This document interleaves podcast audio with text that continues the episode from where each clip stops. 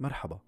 يمكن أنت أو أنت فتحتوا هذا البودكاست لأنكم مصابين بالشقيقة أو لأنه حدا من معارفكم مصاب بالشقيقة أو عندكم صورة نمطية عن الشقيقة.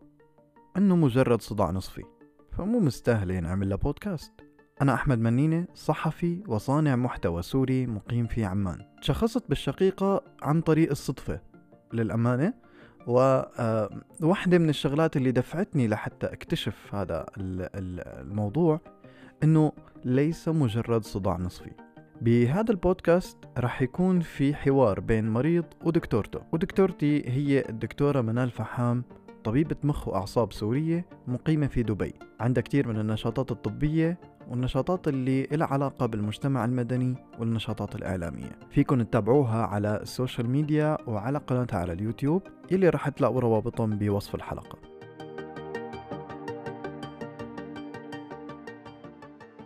بهي الحلقة رح نحكي عن السلوك وكيف نتعامل آه، مع السلوك بمعزل عن الشقيقة. بعدين رح ننتقل خلال الحلقة مع الدكتورة منال فحام إلى السلوكيات التي يقوم بها الشخص المصاب بالشقيقة. وبعد ذلك رح ننتقل إلى السلوكيات التي يقوم بها الأشخاص يلي محيطين بالشخص المصاب بالشقيقة. وبعدين رح نعرف مين أكثر إصابة بالشقيقة ومين أكثر تأثرا بالأعراض.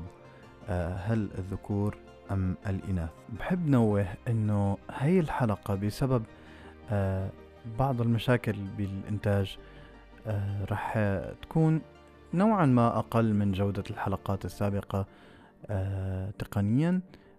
ولكن هذا وعد مني شخصيا أنه الحلقات القادمة رح تكون بطريقة أفضل. تنويه تاني كمان إذا ما بتقل عليكم. هاي الحلقة رح تنقسم لثلاث أجزاء بسبب آه، زخم المواضيع اللي حكينا فيها. وبصراحة بالمونتاج ما قدرت لاقي كتير آه، فرصة أنه آه، قصة كتير من اللي انحكى. لكن بتمنى أنه نطلع بقيمة إضافية وبمعلومة جيدة عن الأشياء اللي حكينا فيها. ف هلا رح نبلش بهي الحلقة بالجزء الأول. الحلقة القادمة حتكون الجزء الثاني واللي بعدها الجزء الثالث. ف يلا ننطلق للحلقة.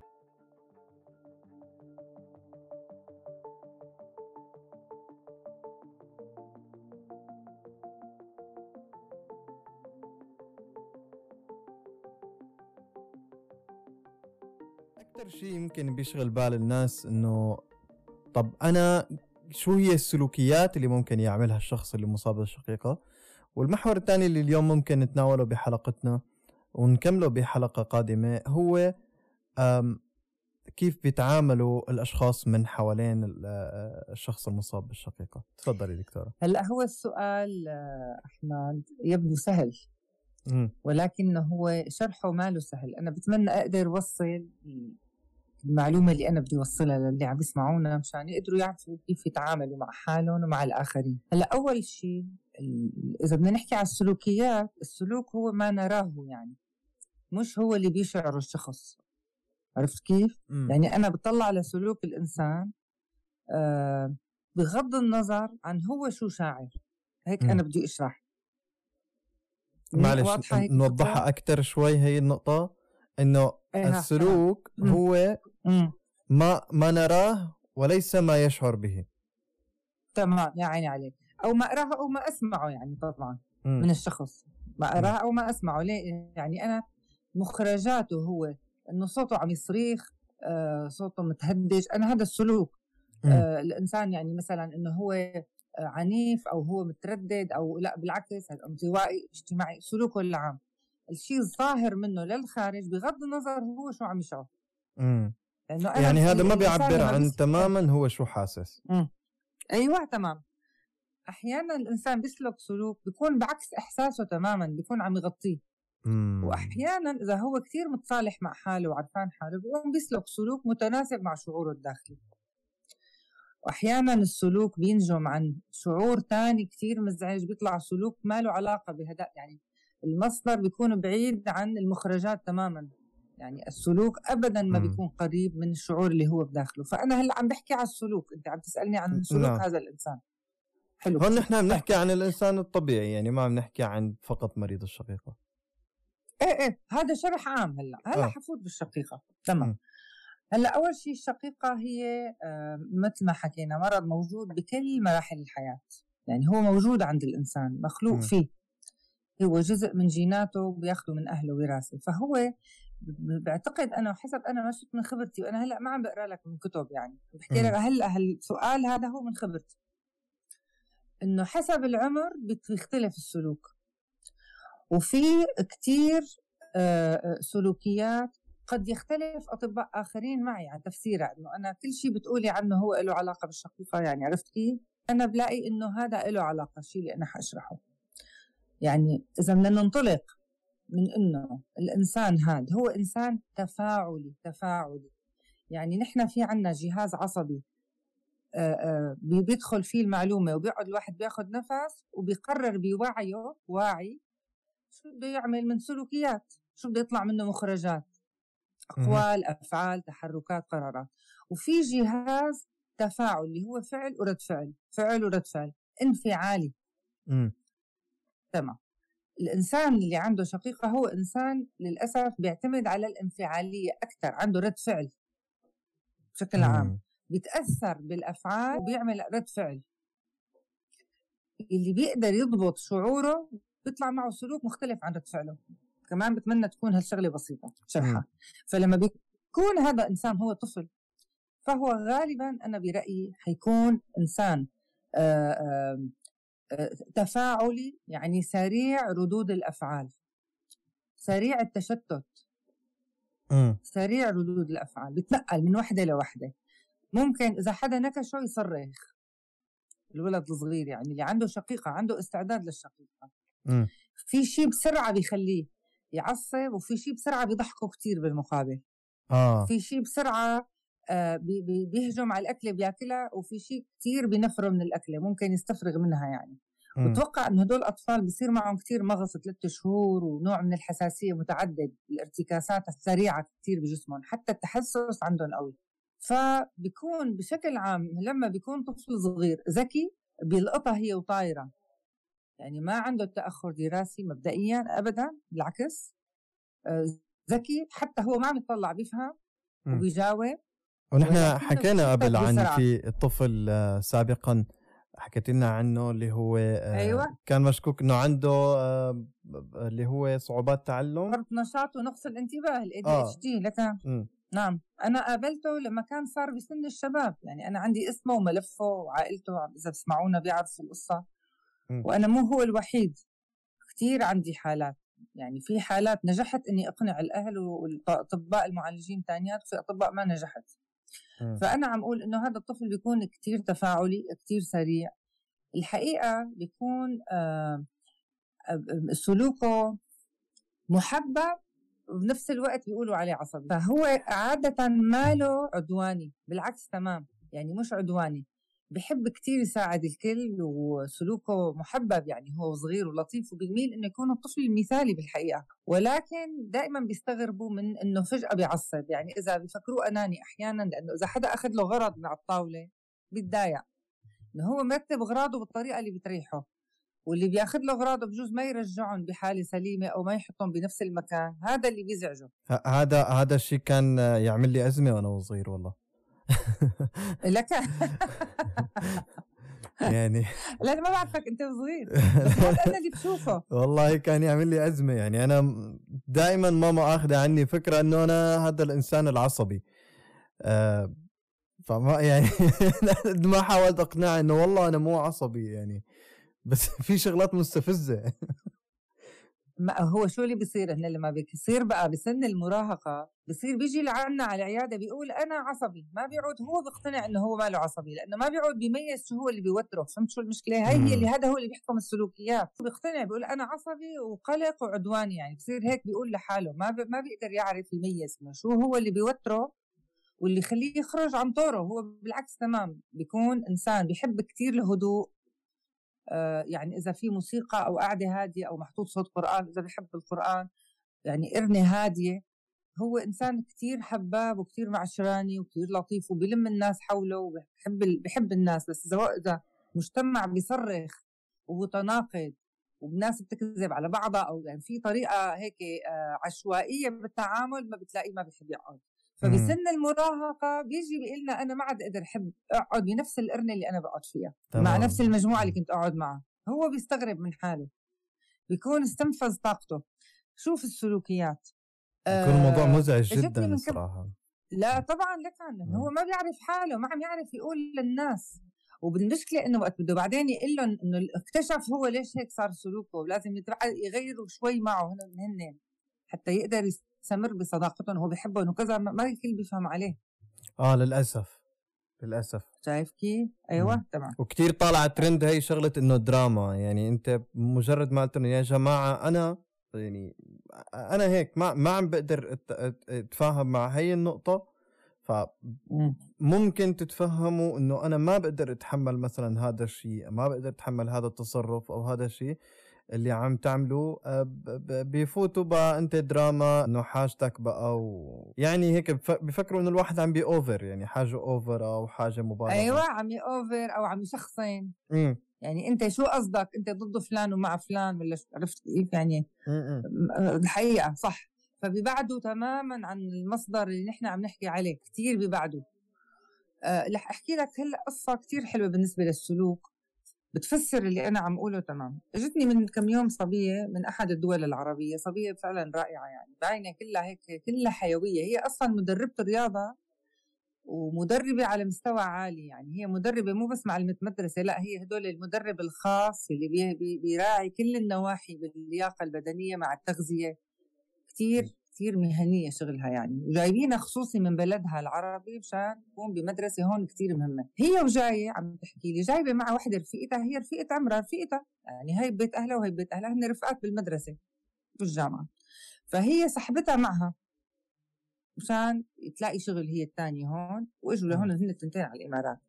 لما إجت لهون اضطرت تسكن معها بشقة واحدة هلا هي ليش إجت لعندي؟ لأنه هي متوترة من حالها إنه ليش هيك صاير فيها؟ هي رفيقة عمرها وهي كثير صديقتها وصحبة مع بعض وهي اللي جايبتها. فأنا لما شرحت لها الوضع تبع الناس الميجرين طار عقلها. قالت لي أنا ما عم بتحملها. يعني طلعت رفيقتها بعكسها تمام. يعني هي هي نظيفة وبتحط الاغراض بمحلهم هذيك فوضويه هي صاحبة موعد هي ما بيهم الموعد. آه، في ريحة بتطلع منها مثلا ما بتشعر إنه هلأ لازم تفوت تتحمم. هلأ هن صاروا بنفس البيت يعني أخذين شقة أوضة هيك. تعرف الواحد وقت بيروح على بلد ثاني بياخذ أوضة. فيعني ما طلع عندها أي شيء من القواعد الحياة اللي بيقدروا يكونوا قاعدين مع بعض بمكان واحد. وهي صارت ما عم تتحملها. قالت لي لما بتكون هي قاعدة بالشقة فوق بالغرفة بنزل أنا بقعد ساعتين ثلاثة أربعة عشرة تحت بالكافيتيريا بالكوفي شوب بيوم الإجازة مشان ما تضل قاعدة بالأوضة معه وضل عم تشاهدها وتتوتر. شوف هذا الألم يعني. أنت تخيل بقى نفس الموقف على وحدة مع إنسان هو زوجها أو ممكن امها أو ابوها على فكرة. ممكن هذا هن الأقرب هن اللي بيزعجوا أكثر يعني هن اللي مش بيزعجوا ما بدي أقول إنه هن قاصدين يزعجوها يعني هن اللي بيصير بيسببوا هذه الصدمة هو هو يعني قد ما كان الشخص قريب منك قد ما آه، بتكون كمية المشاعر اللي أنت حاسس فيها سلبية أكثر يا عيني عليك بالضبط 100% طبعا أنا ما بدي أعقد اللي عم بيسمعونا بدي أقول إنه هذا كله له حل كتير بسيط. يعني حنحكي الحل بس هذا اللي بيصير بصير في جو مشحون بدون سبب. بتعرفها انه رائعة وهي جايبتها وخادمتها بس فجأة تغير اتجاهها. طب هديك ما بدها تتغير تجاهها وعم تضغط على حالها بس راسها حينفجر. يعني هي إجت لعندي مو بس راسها وإيديها ورجليها وكلها كلها يعني كلها حرقان كلها تنميل كلها خدران هيك يعني. نرجع للسلوك حتى ما ضوع السيرة إنه هي مثل ما عم أقول لك صار سلوكها إنه عم تحاول تبتعد عنها عم تتجنبها عم تغضب من وجودها من صوتها من حركاتها من تركبتها من عدم تفهمها على الموعد فصارت بكل شغلة تيجي بدها تتصادم معها لما تحاول تتصادم معها تتركها وتمشي. وصارت خايفة إنه هي تأذيها بشغلها كمان. وبنفس الوقت خايفة تعمل لها ريكومنديشن أو تضل تقول عنها إنه هي ملتزمة جدا وصاحبة موعد جدا. انه شافتها هي بقلب البيت قديش مو يعني عندها الفوضوية. هي هلأ عم تقول إنه ما عاد عندها قدرة تقدر تحكم عليها إنه هل حتكون هي منضبطة بالعمل هي قالت لي إنه أنا مفكرتها حتطلع مثلي أنا إنسانة منضبطة وبظبط شغلي وبعمل كل شيء لآخر يعني لأدق وقت ولآخر لحظة وبتعرف حالها هي شلون عرفت شلون؟ قالت لي أنا ما عاد أعرف إنه أضمنها لهديك هل أنا بدي أصير أحمل شغلها وساوي لها أنا كمان؟ حتى تضل قاعدة بنفس المظهر اللي أنا تعهدت فيه. يعني الموضوع إذا بدنا نحكي على السلوكيات آه بده الواحد يتخيل حاله قاعد عم يتفرج على فيلم من برا وبوقت آخر دخل لجوات الإنسان وسمعه هو شو صاير معه من جواته في آه. فرق. لكن إذا تجاوزنا مرحلة الشباب وما قدرنا نحط إيدنا على الجرح بنوصل لوقت هذا الإنسان فعلا بيتغير قد يا سمح الله يتغير إذا ما قدر يكون بجو فعلا متصالح مع ذاته وقادر يقول للي حواليه إنه شو عم يشعر وقادرين يتفاعلوا معه ويستفيدوا من الشيء الجميل اللي عنده. ما يهدروا له طاقاته بأمور هي مو مهمة. عرفت كيف؟ بهذا السلوك بضل هذا. يعني تخيل إنسان مثلا بضيعته بين أهله فبيكون سلوكه بالعكس رائع. هذا الإنسان محبوب بيحب يخدم العالم هو قاعد ببيته متفاهم مع أهل بيته الضيعة كلها بتحبه ما عنده تصادمات مع حدا.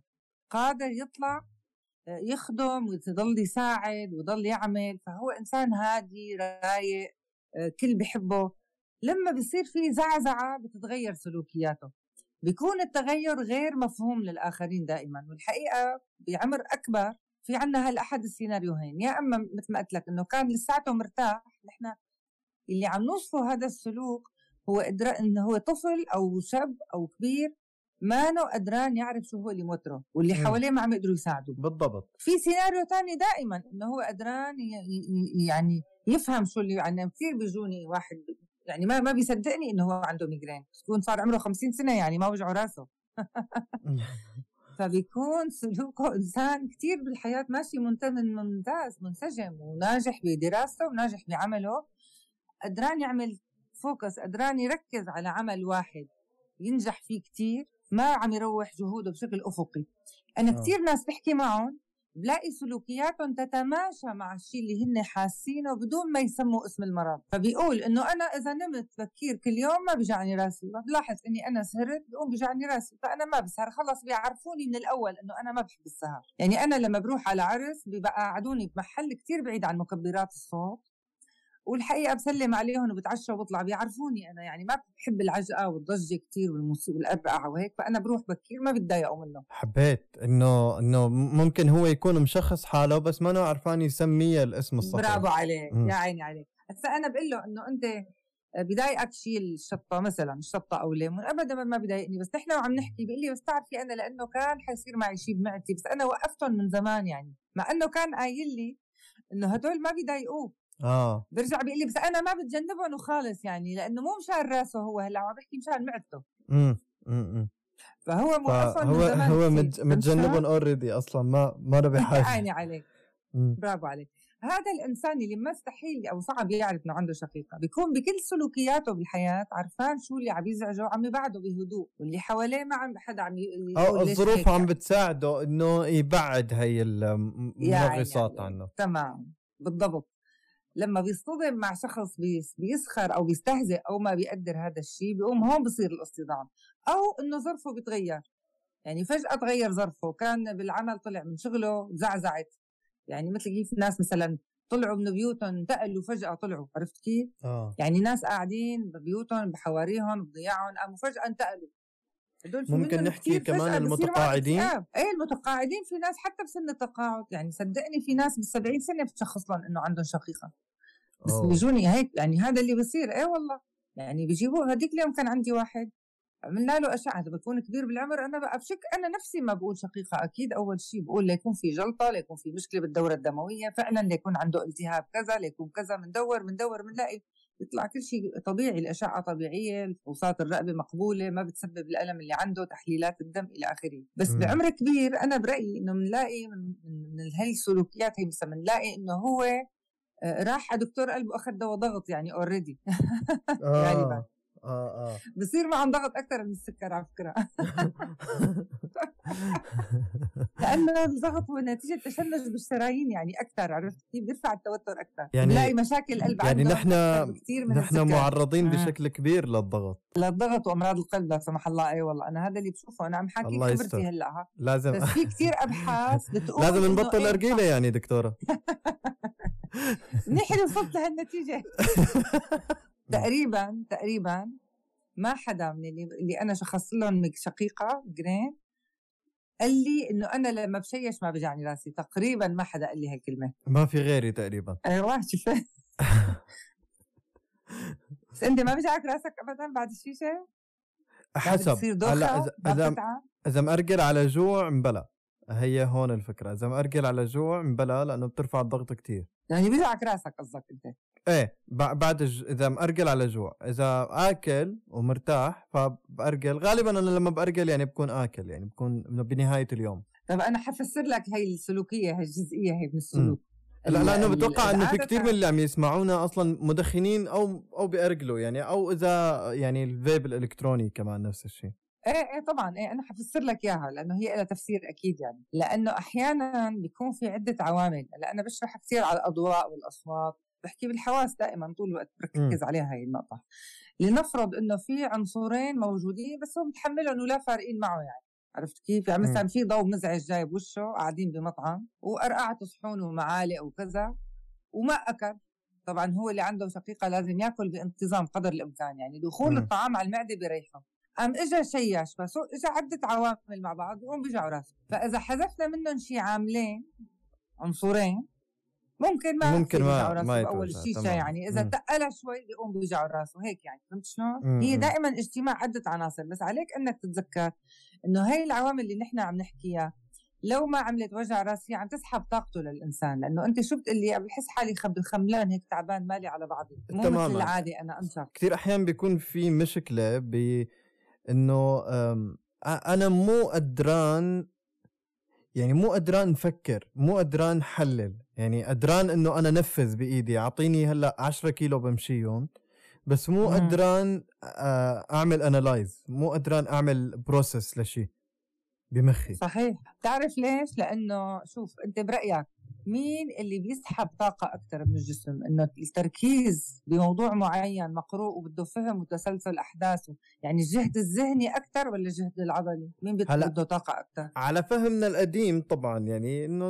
العضلي بس يعني من جديد عم نكتشف إنه لأ فعليا ذهنيا بالعكس تمام. الجهد العضلي بالحركة أحيانا بيكون بيرجع الطاقة. يعني كأنك عم تعبي بنزين مرة تانية. يعني بالعكس بيكون هو ريليز استراحة للجهد الذهني المركز وبيطلع بيتحرك بيقيم بيحط بيعمل شغلات بإيديه بيطبخ بيتنظف شوي هيك. يعني طبعا مش مو بشكل جنوني بس إنه بيعمل شيء ثاني بيقوم هالجهد الخارجي هذا بيرجع بيعبي له شوي طاقة بالعكس تمام فبيريحه. مع إنه مكتوب بكل الكتب وكمان بنشوفها بالحياة إنه أحيانا إنه بيكون كتير طاقته على القعدة على الحد يعني. فإذا قام عمل جهد بيتعب أكثر يعني آه. هو كتير مرهق كتير تعبان. هلأ لازم يروح ينام بقى.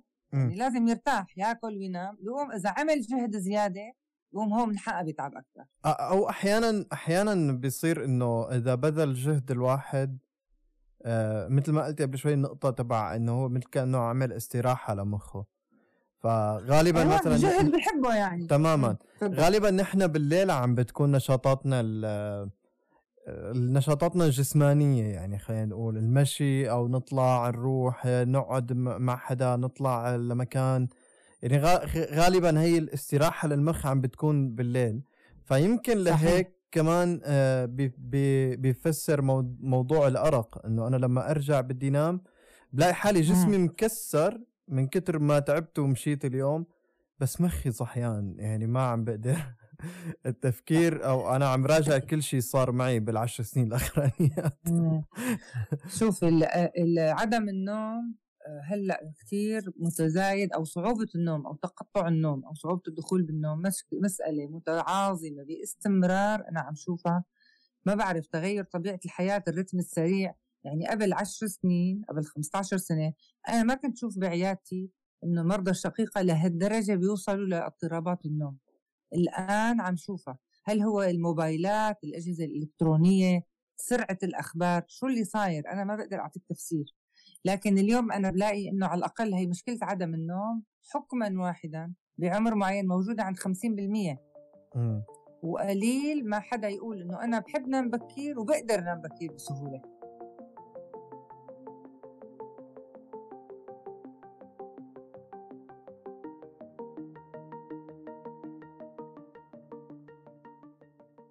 بنهاية حديثنا اليوم السؤال لكم هل آه، المشتتات الكتيرة والتسارع اللي عم بيصير وكمية المعلومات والأخبار اللي عم نتلقاها بشكل يومي عم بتأثر على نومنا فعلا؟ آه، وشو هي تجاربكم مع موضوع الأرق؟ آه، بيسعدني إنه أتلقى اجوبتكم إن كان على حساباتي الشخصية وإن كان على حسابات الدكتورة من الفحام وإن كان كمان على الإيميل الخاص بالبودكاست. وفيكم تتركوا كمان آه، تعليقاتكم وأجوبتكم على الأسئلة اللي آه، بتيحها بعض منصات البودكاست. كنتوا عم تسمعوا بودكاست شقيقة. شكرا إلك وإلك لأنه وصلت لهون وسمعتوا الحلقة كاملة. فيكم تتواصلوا مع الدكتورة منال فحام على مواقع التواصل الاجتماعي الموجودة بوصف الحلقة وفيكم تتواصلوا معي أنا شخصيا كمان على مواقع التواصل الاجتماعي وعلى إيميلي الشخصي وتتركوا لي آرائكم ومقترحاتكم كمان بالتعليقات. كونوا مبسوطين.